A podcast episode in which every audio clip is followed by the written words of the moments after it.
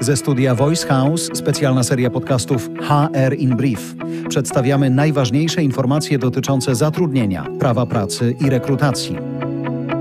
Ekonomiści Federacji Przedsiębiorców Polskich prognozują, że od stycznia przyszłego roku minimalne wynagrodzenie pracowników etatowych i zleceniobiorców wynosić będzie co najmniej 4250 zł, czyli ponad 650 zł więcej niż w drugiej połowie tego roku.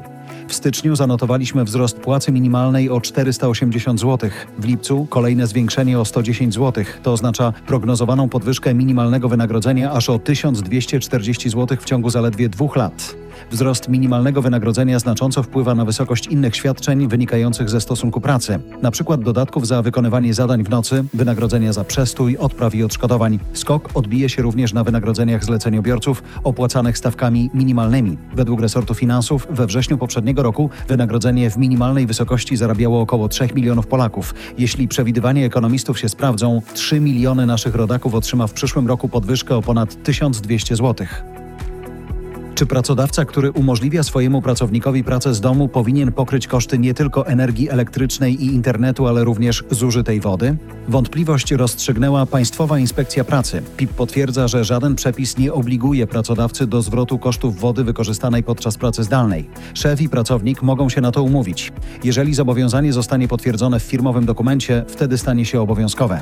Czy pracownikowi zdalnemu firma musi kupić biurko i krzesło? Główny inspektor pracy ocenia, że nie są one narzędziami pracy zdalnej. Stanowią wyposażenie stanowiska. Pracownik może umówić się na sfinansowanie przez pracodawcę odpowiednich akcesoriów, ale nie ma prawnych podstaw, by domagać się pełnego przygotowania stanowiska pracy zdalnej.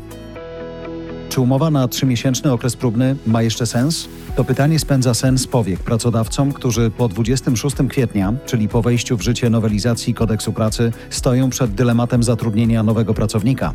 Szef, który zatrudnia dziś na umowę o pracę na okres próbny wynoszący 3 miesiące, musi mieć świadomość, że kolejna umowa na czas określony zwiąże go z pracownikiem na minimalny czas 12 miesięcy.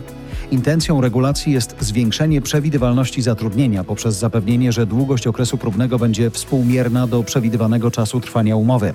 Jeśli firma zamierza zawrzeć umowę o pracę na czas określony, który wynosi co najmniej 6 i mniej niż 12 miesięcy, poprzedzająca ją umowa na okres próbny będzie wynosiła 2 miesiące.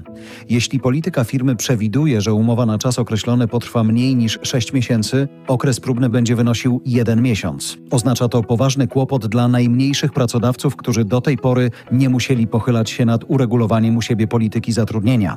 Zwiększonej świadomości aktualnych realiów prawa pracy wymagają również bezpośredni kierownicy. Klarowna komunikacja i mierzalne cele stawiane przed nowymi pracownikami stanowią prawne zabezpieczenie zakończenia współpracy bez roszczeń o kontynuację zatrudnienia.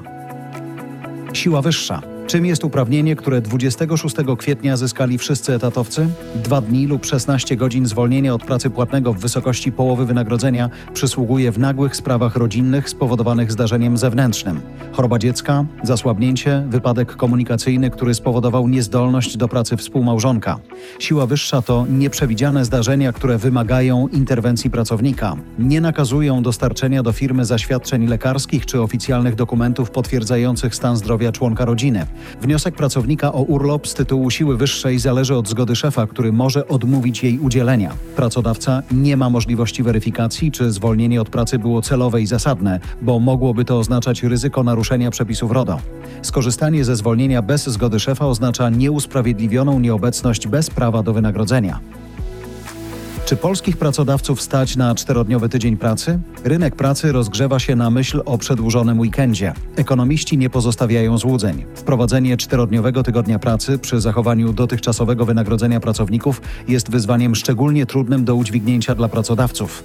Pomimo niewątpliwych zalet rozwiązania stosowanego już w wielu firmach w Wielkiej Brytanii, Niemczech czy Skandynawii, takich jak zapobieganie wypaleniu zawodowemu, zmniejszenie poziomu stresu, lepszą priorytetyzację działań czy poprawę zaangażowania pracowników, pracowników, skrócony tydzień pracy ma też ciemną stronę. Ryzyko zwiększenia liczby godzin pracy w ciągu dnia, a nawet pracy w nadgodzinach wydaje się mocnym argumentem. Eksperci są zgodni. Skrócenie czasu pracy przekłada się negatywnie na sytuację ekonomiczną firm. Wśród pracowników nie brakuje obaw, że ostatecznym efektem skróconego tygodnia pracy będzie obniżenie ich zarobków. Materiał został przygotowany przez Monikę Smulewicz z zespołem HR na szpilkach oraz redakcję Voice House. Do nagrania użyliśmy sztucznej inteligencji wykorzystującej głos Jarosława Kuźniara.